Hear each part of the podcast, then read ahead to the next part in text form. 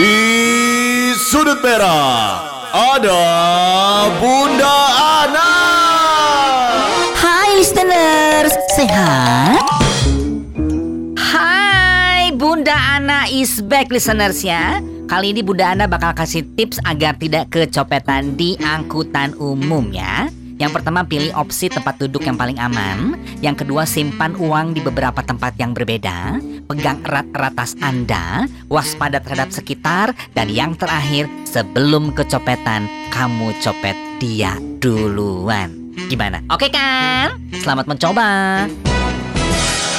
Ya udah listeners, jauhi narkoba, urusi keluarga, dekati mertua dan selalu dengarkan Bunda Ana. Capcus, bye-bye.